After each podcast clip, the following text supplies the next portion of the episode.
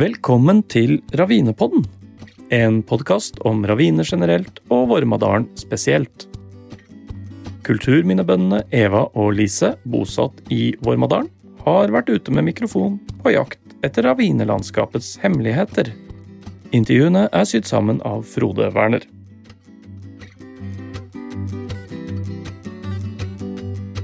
Vi bor i et landskap som er unikt i verdenssammenheng, godt gjemt og nesten glemt.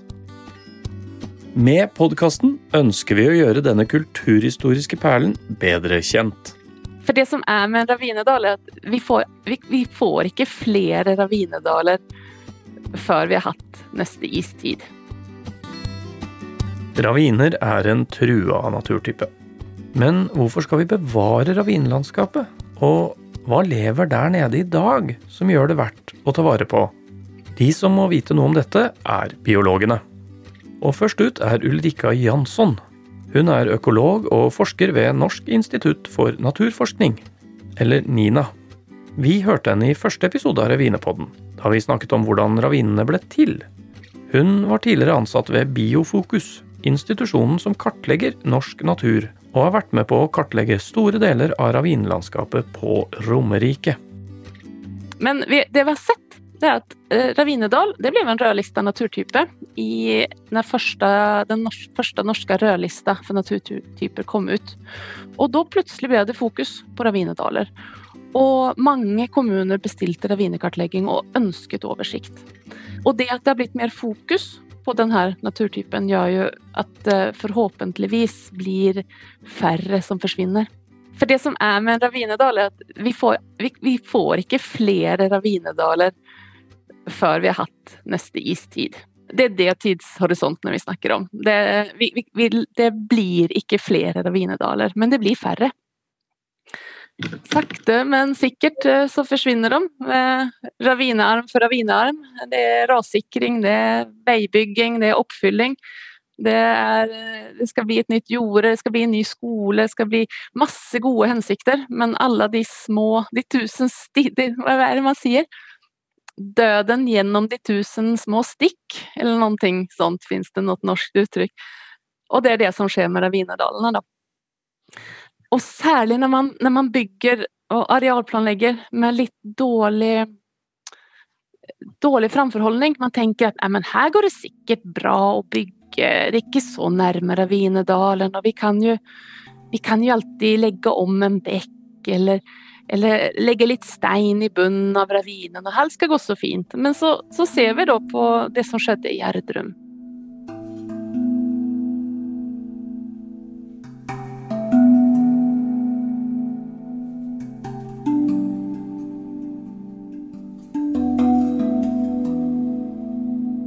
Ja, hva er det med ravinedalene som gjør dem så verdt å ta vare på, da?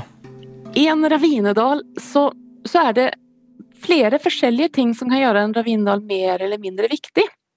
Og da snakker vi både viktig for de kvartærgeologiske kvalitetene, dvs. Si det, det, dette her som skapes over 100 000 av år og en istid. Eh, en ravinedal kan være lang, er flere kilometer lang, eh, og den kan være veldig kompleks. Den kan ha mange forgreininger i mange retninger, og ha en aktiv prosess med graving. Og om den da, om den da ikke er avbrutt av eh, veier, og den ikke delvis planert ut, eh, så har den da mye større kvartærgeologisk verdi enn om den er oppdelt i små biter. Så det er den kvartærgeologiske verdien. Den, eh, den, bygger på om den er lang, og om den er kompleks, og om den er dyp. Sen kan eh, en sånn ravin være en utrolig kjedelig plass for biologisk mangfold. Den kan være 100% tett granplantefelt, eller 100% gjødsla beitemark.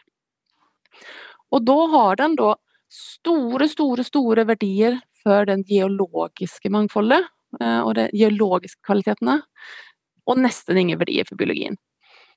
Og sen kan det være helt omvendt. Det kan være en, en ravine som, som, er delvis oppfylt, og det kan gå en vei oppe på ene siden, og det kan være et, eh, boligfelt som går nesten ned i bunnen på andre siden. Men så kanskje den har en, en eh, slåttemark eh, som ingen har gjødsla noen gang, og som folk har slått eh, etter kunstens alle regler i, i mange, mange, år. Og da kan den ha et, et mangfold knytta til, til, det biologiske, til, til alle blomsterplantene, til alle humlene, alle biene og alle fuglene som, eh, som spiser av disse insektene. Eh, så da kan den ha kjempestore verdier eh, som en biologisk naturtype. Og kan da være gradert fra A og B og C som biologiske verdier.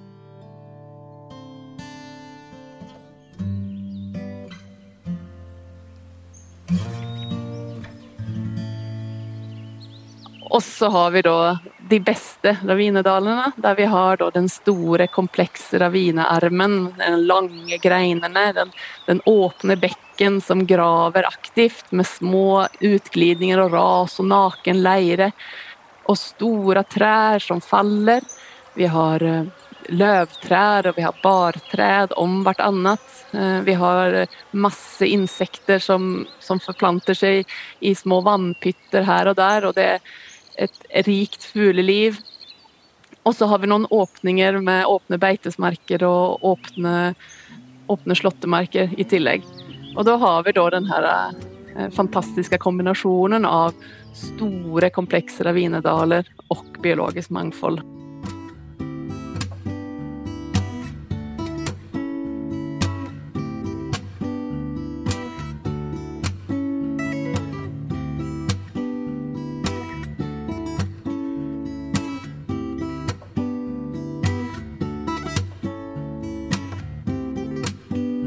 Blomsterrika slåttemarker og naturbeitemarker de, eh, de, blir ødelagt om man gjødsler i dem, eller om man har for mye dyr i dem. For å blir de tråkka i stykker. Så et, et, område som bare har vært eh, tradisjonelt eh, hevdet med, med slått eller beite, har et artsmangfold med master med blomsterplanter, og dermed også masse insekter som ikke går å sammenligne med de beitesmarkene som har blitt uh, mer intensivt drevne, eller som har blitt gjødsla. Og, og, det som er så fint i ravinedaler, det er at det, mange av disse insektene de, de har deler av sitt liv på blomsterenga. De voksne insektene de flyr rundt og samler nektar og pollen og har blomsterenga som sitt sted. Mens eh, larvene, eh, som, som er ofte er den lange delen av insektenes liv, de kanskje må ha en morkenstokk eller et liten vannpytt for å kunne utvikle seg. Og i ravinedalene så har du ofte både denne gamle skogen og de åpne kulturmarkene i ganske nær tilknytning. Eh, F.eks. oppe på, i Vesetdalen så har du store areal med fin gammelskog og disse blomsterrike slåttemarkene. Og det, den kombinasjonen er det som er så bra for, for et rikt mangfold av insekter. Så skal vi over til en annen av dagens gjester. Og det er generalsekretæren i Sabima, biologen Christian Stiel vinner av Naturviterprisen 2022. Sabima er en paraplyorganisasjon for biologiske foreninger i Norge. Foreningen jobber politisk for at det biologiske mangfoldet skal forvaltes bedre. Ravinene skjuler fortsatt hemmeligheter, tror generalsekretæren. Dersom det kommer nye medisinske kriser, kan nettopp det uoppdagede i naturen redde oss. La oss høre. Hvor godt kjenner du eh, ravinelandskap? Jeg har vært en del i ravinene på Romerike og noen andre steder, for dette er jo veldig spennende biologisk. Det er masse arter der, og bl.a. insekter er jeg veldig interessert i. Eh, og en del av disse ravinene har vært brukt til beite og slått. Det har vært bratt og, liksom ikke egnet for fulldyrking. Eh, så, så, i de gamle, ugjødsla beitemarkene så kan det være veldig rikt med blomster, og dermed også veldig rikt med insekter. Vi har sagt hva skjuler av vinene. Du tenker det kan være mye uoppdaga? Ja, det tror jeg nok det kan. Altså, det gjelder jo helt generelt i naturen. Eh, at, eh, at, det er mye vi ikke vet. At det kan være arter som gjemmer på hemmeligheter som vi kan bruke til noe eller tjene penger på. eller sånn. Men så har jo også alt en egenverdi. Eh, og, og, uansett så tenker jeg at det kan jo være i de rareste stedene at kanskje de rareste artene fins. De som har de mest spesielle egenskapene, eller noe som vi kunne ha veldig nytte av. da. Så, så, det tror jeg helt sikkert at i, også i disse ravinene, hvor det finnes da en del sjeldne og trua arter, så, så, kan vi finne noe spennende. Og det finnes jo blant annet eh, vekster som er tilpassa at det raser stadig. Eh, og Det er jo også en underlig tilpasning ikke sant, som man da kan finne bl.a. i raviner. Og, og, og, kanskje de kan ha en hemmelighet som vi kan ha bruk for til nå. Men det fins jo noen eksempler som eh, har brakt enorm rikdom. F.eks. denne berømte soppen som eh, ble funnet på Hardangervidda for 40-50 år siden. Og som nå et sveitsisk legemiddelfirma tjener mellom 10 og 20 milliarder kroner i året på, som er helt nødvendig ved organtransplantasjon. Syklosporin heter jo det stoffet. Eh, og, og, andre eksempler nå kommer vi kanskje inn i en antibiotikakrise nå, som vi eh, får antibiotikaresistente bakterier. og Det vil jo være en, en medisinsk eh, krise som vil være mye verre enn en koronapandemien. Det har til og med helseministeren sagt.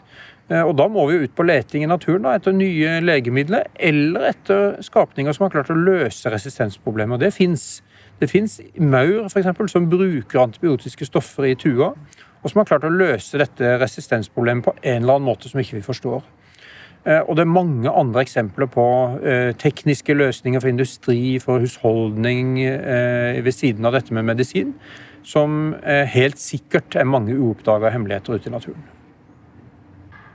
Hvorfor er raviner rødlista?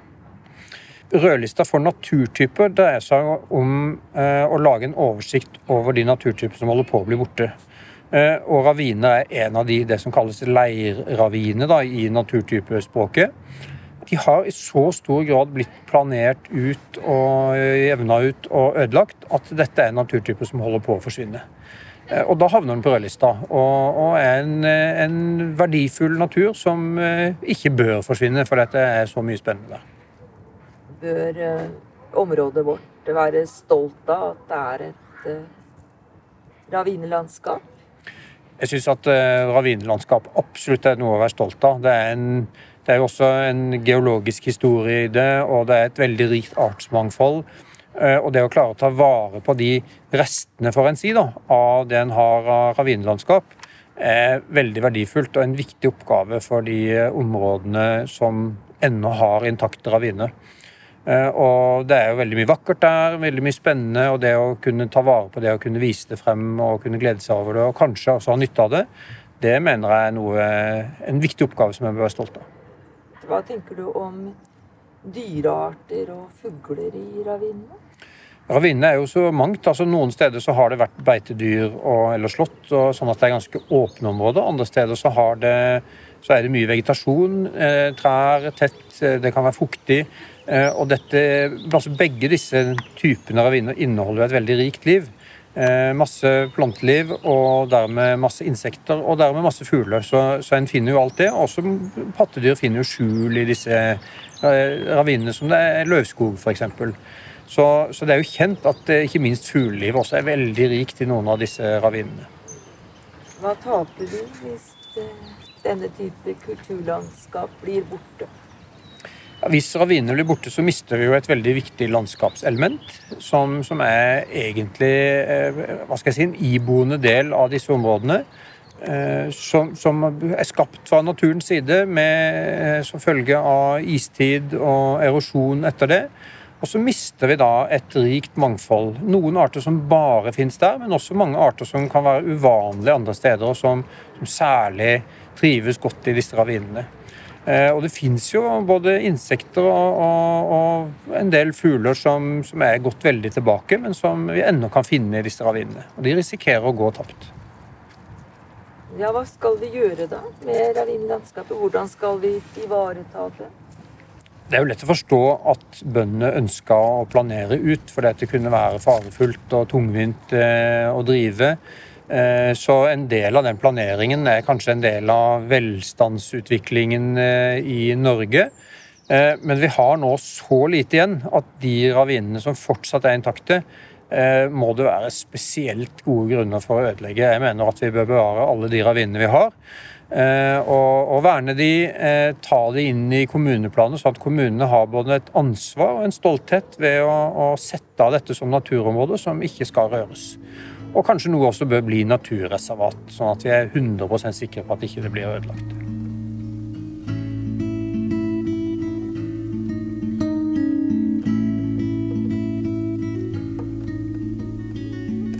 Slåttemark eh, er jo også en rødlista naturtype, og den er faktisk eh, rødlista som kritisk trua, altså den verste kategorien. Ifølge Artsdatabanken så har vi mista 99% av alle slåttemarkene de siste 50-60 år. Eh, og Det er jo en veldig dramatisk utvikling. Og, og slåttemarkene, de gamle, ugjødsla, ekstensivt drevne slåttemarkene, er veldig rike på både planter og sopp og, insekter. Og er utrolig viktig å ta vare på det vi har igjen. Eh, så jeg tenker jo at her trengs det spesielle tiltak, eh, bevaring, skjøtsel. Men jeg mener også at, at, myndighetene har et ansvar for å gjøre det mulig for bøndene å ta vare på disse. For Jeg kan ikke forvente at en gjennomsnittlig bonde skal gjøre dette på hobbybasis.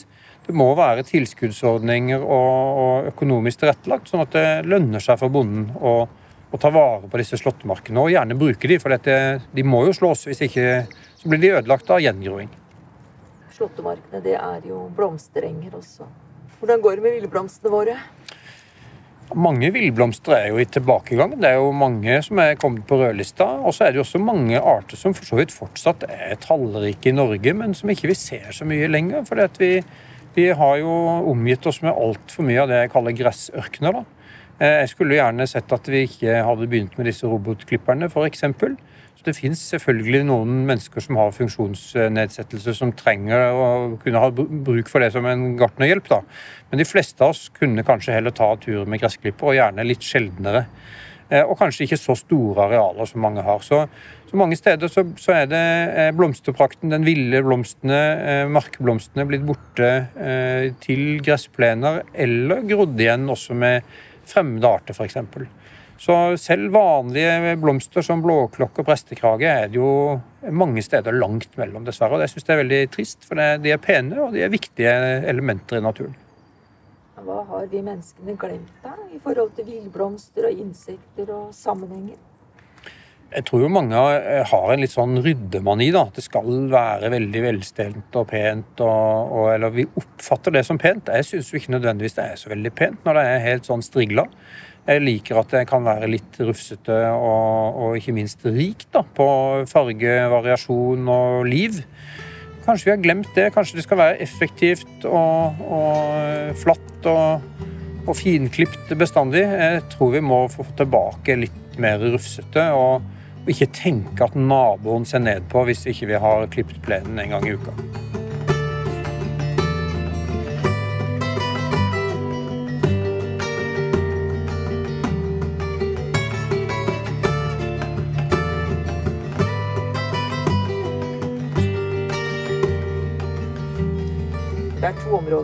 Som er utpekt til eh, kulturhistoriske landskap av nasjonal interesse. Og Vormadalen, det området rundt eh, elva Vorma, det er ett av de 16 i Akershus. Hvor viktig vil det være for å ta vare på den type kulturlandskap som raviner og slåttemark er? Jeg tror det er veldig klokt å lage sånne planer som det utpeker området. For det, det, gir mer oppmerksomhet til, til området. Gjør at folk forstår det mer, eh, kan bygge opp stolthet, interesse, nysgjerrighet. Eh, og at også kommunene og de som forvalter arealene, eh, har dette avsatt i planene. Sånn at vi, vet at dette er områder som, skal bevares og, og, i hvert fall behandles veldig forsiktig. Så jeg tror det er kjempefornuftig. Og, og dette er jo veldig viktige områder hvor det fortsatt er en del intakte raviner som, som absolutt er verdt å bevare. Men vi ser jo mange steder at det blir bygd helt ned mot elvekantene, og, og, at det er mange områder som er trua og i fare òg. Så, så det, er, det, er, det, er, en kamp hele tiden. Eh, og jeg håper at vi etter hvert kan få sånne hensyn mer tydelig inn i de vedtatte kommuneplanene, så at ikke vi ikke må, må slåss fra dal til dal bort igjennom.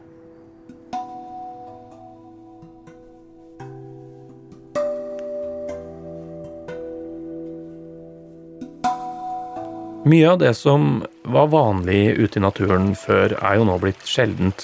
Men er til og med bekken sjelden? Det er ganske utrolig at uh, naturtypen bekk har havna på rødlista. Vi har begynt å snakke om borte bortebekk. Fordi at uh, de blir lagt i rør. de blir lagt om og kanskje slått sammen. så veldig mye av det liksom, nettverket, kapillærene som var i landskapet, er blitt borte mange steder. Og, og bekkene er jo på mange måter en livsnerve i landskapet, med vann, med også en sikkerhet mot eh, flom, fordi at du får fordelt vannet på mange områder. Og så er det jo ikke minst viktige ferdselsveier for mange dyr, eh, også livet i vann. Så det å bevare sammenhengende bekker, at ikke de ligger i rør eller at det gjøres inngrep i bekkeløpet, er utrolig viktig. Hvis vi snakker om ravinelandskapet. Skal vi by på opplevelser innen ravinelandskapet? Ja, Det tror jeg er klokt å gjøre, men en må jo vurdere litt hvor eh, en skal gjøre det. En kan jo kanalisere den ferdselen litt. Eh, kanskje det er noen spesielt sårbare områder eller ikke minst sårbare tidspunkter hvor en eh, bør unngå for mye ferdsel. Men jeg tror jo det at, at hvis folk får oppleve ravinene og rikdommen og livet og lydene og, og, og fargene og i det hele tatt, så, så tror jeg jo lysten til å ta vare på det øker. Så, så jeg, jeg, tror det er fornuftig å gjøre det, men, men eh, at en må passe på. Altså, det må jo ikke gå utover verdiene eh, i ravinene, for da kaster vi jo barnet ut med badevannet.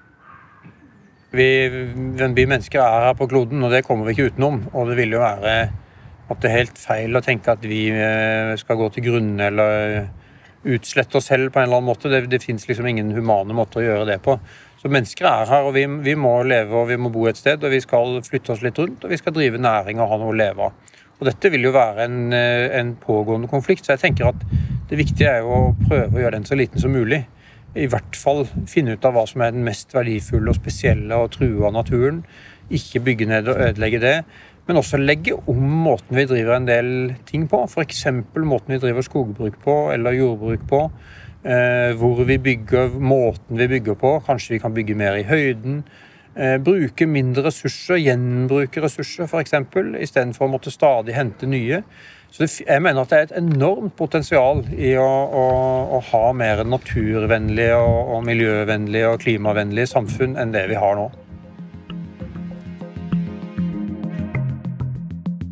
Neste person vi skal høre fra, er Siri Kalsa. Hun har studert biologi og økologi, og har botanikk som spesialfelt. Siri er i dag ansatt i Biofokus. Tidligere drev hun med praktisk restaurering og bevaring av trua natur, blant annet slåttemark i ravinlandskapet i Vormadalen. Her forteller hun hva som gjorde at hun fikk øynene opp for ravinene, og hva vi kan miste hvis de blir borte. De, de er liksom restene av, eh, av, disse områdene som ikke har blitt eh, bakkeplanert.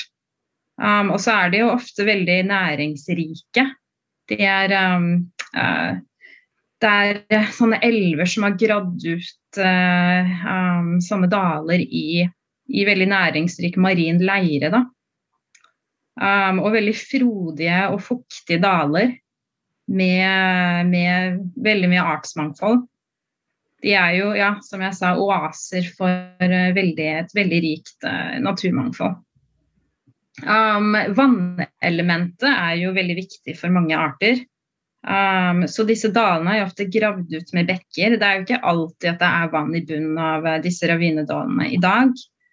Um, men der det er det, så, så er det jo ofte um, Det skaper fuktige miljøer. Som det er da mange um, Det er liksom den frodige vegetasjonen eller alle de som er fuktighetskrevende, som da um, som da får betingelser for å være der. Men så, så er det jo ofte litt eh, solåpne og tørrere områder. Det blir jo sånn stor variasjon i, um, i hva skal man si, mikrohabitater, så da er det veldig mye forskjellig som kan bo der. Og i det hele tatt at de står urørt, det, det tenker jeg er en av de største grunnene til at det er mye som, eh, som kan bo der, da, uforstyrret. Um, det er jo ofte mye løvtrær, som eh, de f.eks.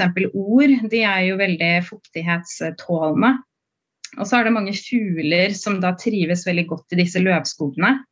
Um, så det er ofte et rikt fugleliv. Og så er det, det disse fuktige, frodige habitatene er også bra um, betingelser for insekter, som da tiltrekker fuglene. Og så kan det jo oppstå små dammer hvor det er mye amfibier som, eh, som liker seg der. Og det med denne For det er jo veldig mykt underlag, sånn marin leire. Um, som også skaper sånn at det blir stadig nye uh, hva skal man si, endringer i landskapet. Da. Det blir sånn erosjonsprosesser. Så det er mye død ved som også skapes i disse landskapsområdene. Og det er veldig, veldig viktig for mange arter. Um, det er mange nedbrytende sopp som trives veldig godt av også i disse dalene. Og de er de er jo med på å resirkulere næringen også. Men um, det er mange si, arter som får uh, betingelser for å bo der. Av ja, disse vedboende sopparter og andre nedbrytersopper. Uh, ja, og så er det jo insekter som også liker å bo i død ved. Mange gode betingelser der da, for, mm. for mange arter.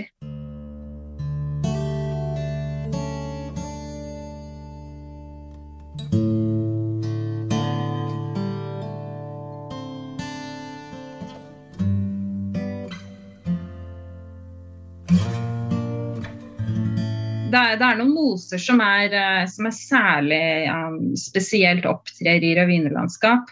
Og det er de som liker å vokse på sånn nylig um, eksponert leire. Som da um, dannes ofte i sånne ravinelandskaper. F.eks. grøftelommemose. Um, og så er det en som heter flaggmose. Det er jo en del fugler som, uh, hvor dette er liksom en av hovedhabitatene, eller hvor det er høyest tetthet uh, i disse ravinelandskapene. F.eks. rosenfink er en, en art som, eh, som, forekommer mye i raviner og ikke så mye andre steder. Um, og så er det da artene knytta til kulturlandskap. for I ravinesystemer så kan det jo være noen eh, verdifulle slåttemarker. Um, og da er det et mangfold knytta til disse slåttemarkene um, som bare finnes der. F.eks. ulike typer beitemarksopp.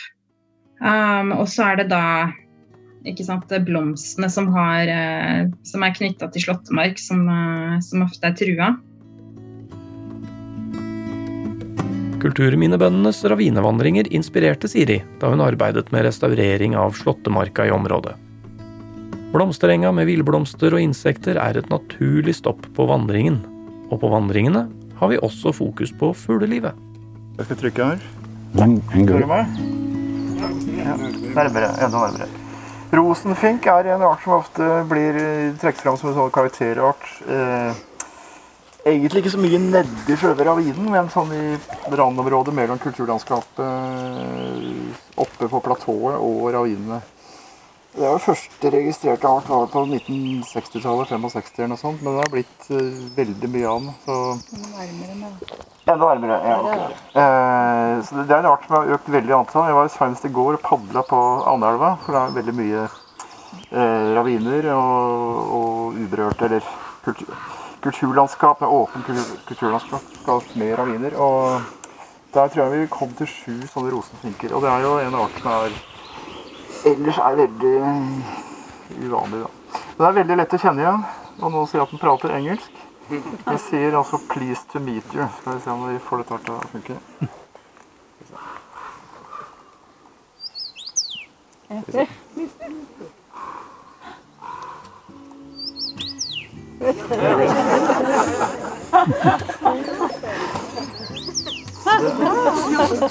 Det kan hende at vi hører den eh, litt seinere på turen.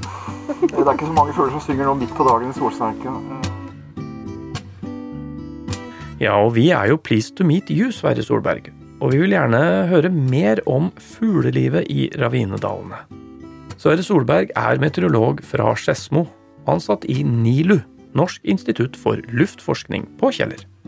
Og han er en aktiv naturverner gjennom Naturvernforbundet, forfatter bl.a. av boka 'Ravinene Østlandets jungel', som kom i 2019.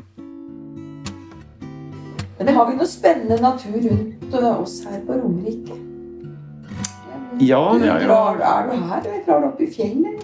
Nei, nei, det som er, har vært eh, Det som jeg har jobba med, da, det er jo lokale naturverdier her på Romerike. Så det er jo så det er jo litt av det som er poenget, at uh, han blir litt blind for det som er rundt nabolaget, kan du si. Og det er klart, det er jo sånn som Jotunheimen og fjordene på Vestland og Geiranger og Helgeland og alt det har liksom en helt annen status. Norge har så utrolig mye flott natur, så vi er kanskje bortskjemt. Eh, og det er ikke alle som tenker over at jeg har også en del eh, sjelden og veldig spesiell natur eh, på Romerike nå.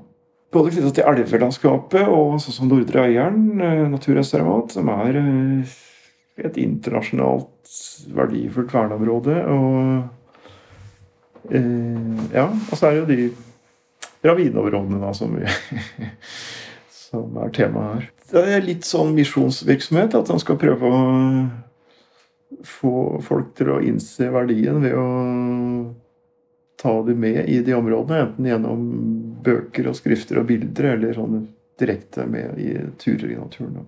Hva er er positivt med ravinlandskapet i Trøndelag og Romerike og Norge? Altså, det er jo spesielt, i hvert fall da, i og med at det er, at det er såpass sjelden, sjelden naturtype. Så, det, så rent geologisk er jo det bakgrunnen for at det er, at det er eh, en trua og en verneverdig landskapsform. Men eh, det er det rent geologiske. Men eh, så er det jo sånn at det at det er såpass små hva skal du si, sånn Mosaikklandskap er et uh, uttrykk man kan bruke. da. Uh, så man ser fra et, et, landskap som består av masse små og store daler og, og, og, og bakketopper. Og det er en beretning, eller en, eh, en som skrev en, om landskapet på slutten av 1800-tallet, som skrev at, sånn som i Gjerdrum at det var det var, fantes ikke en tomme land som var flatt land. Altså, alt var del av en bakke opp eller en bakke ned. Så det er jo veldig spesielt. Og, og, men det, den landskapsformen gir da grunnlag for veldig store variasjoner i, i, i solinnstråling, i fuktighet og sånne, alle sånne klimavariabler. Og det igjen gjør at du får et veldig stort mangfold av uh, dyreliv, planteliv, fugleliv fordi eh, du flytter deg fra et sted til et annet, så plutselig har du en helt annen solvinkel eller annen fuktighet. Og, og i tillegg så er det veldig næringsrik eh, jord.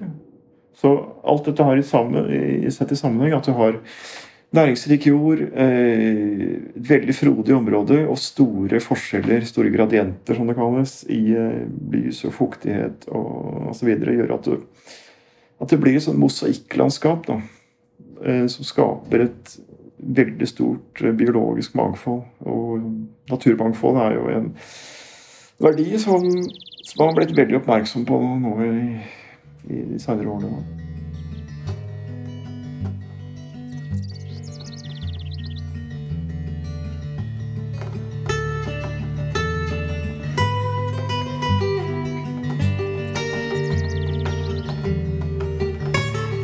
Det er jo litt resultat av det der mosaikklandskapet som vi prater om, eh, at du har eh, veldig store eh, variasjoner over et lite område.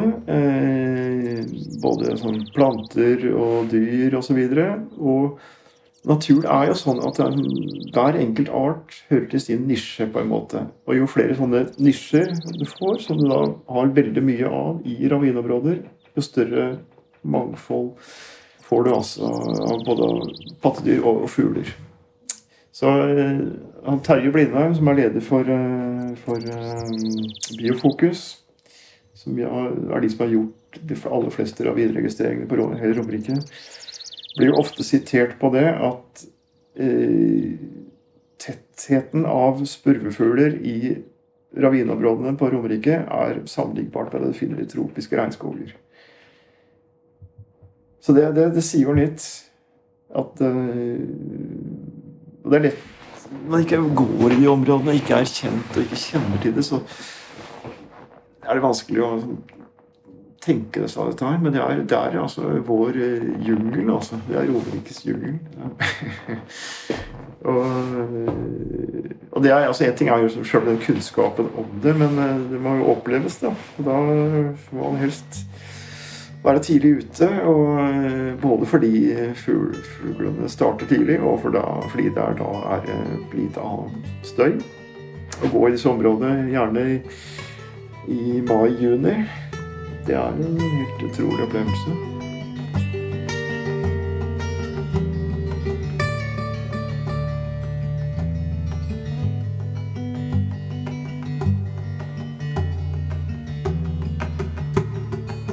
Skal folk rote seg nedi der, og skal de det? Eller skal de la ravine være i fred? Og... Det er også også noe. urørte, det er jo også Ja. et tema. Ja, nei, så jeg tenker at det, det viktigste er jo at de eh, ravineområdene altså de, det, Da snakker vi om skogskledde raviner, og ikke, ikke, ikke kulturlandskap. Så at de får ligge urørt eh, fordi det er natur, store naturverdier i seg sjøl.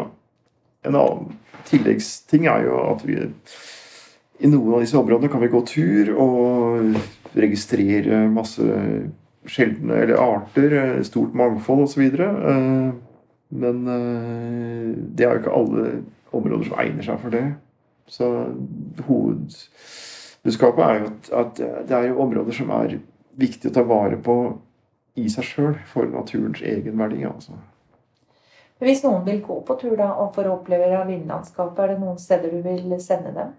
Ja, Det mest opplagte er jo Romerike landskapsvernområde, som er det største intakte, bevarte ravineområdet i Norge. Som er altså et statlig, statlig verneområde. Eh, som ligger da rett kloss ved flyplassen på Gardermoen. Og det i seg sjøl er jo litt spesielt, men eh, det er jo også pga. geologien at Gardermoen er jo et svært sånn grusplatå, kan du si, eh, hvor isen da i sin tid lå lang periode, og så ble det spylt ut, kan man si, leire i store mengder rett utfor iskanten. Så der er det, det, er som, en- det er som en slags sånn klippekant, kan du si, fra Gardermoen-platået og til det utrolig spesielle ravinområdet ravineområdet ved eh, som kalles Romerike.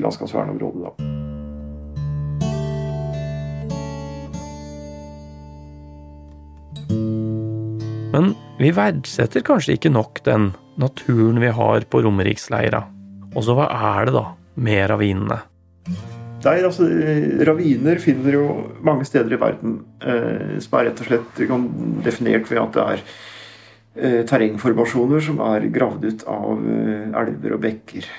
Det, det var raviner, veldig kjente raviner på Kreta f.eks., som sikkert mange har vært i. Men det som er spesielt på Romerike, er jo at det er raviner i marin leire, som det heter. Altså leire som er avsatt i havet. Og det snakker man om finnes altså i Norge, og Sverige og Canada, stort sett.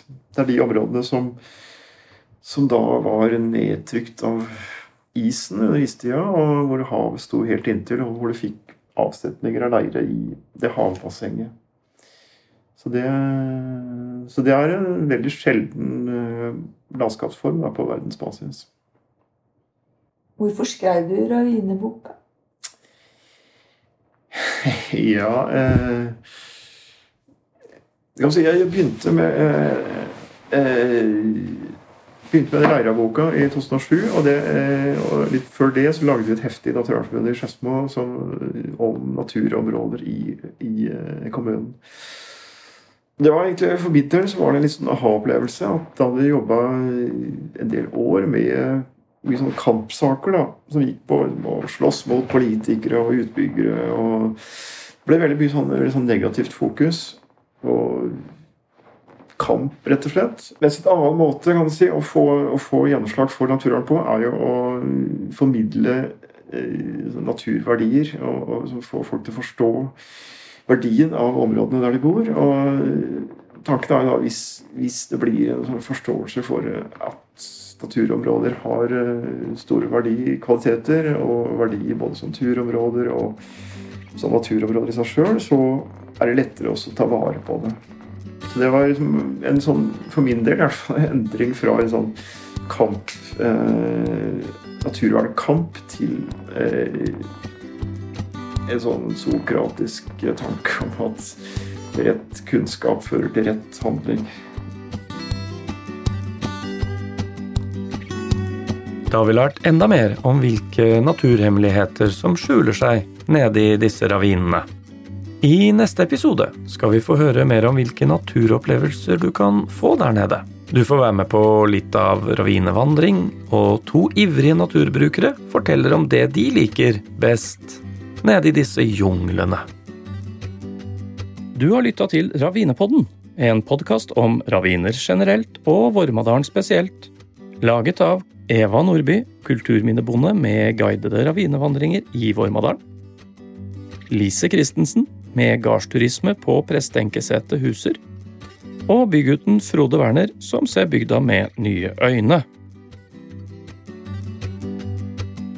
Musikk har vært ved Bernt Karsten Sannerud, Marius Lien og Marius Sjøli.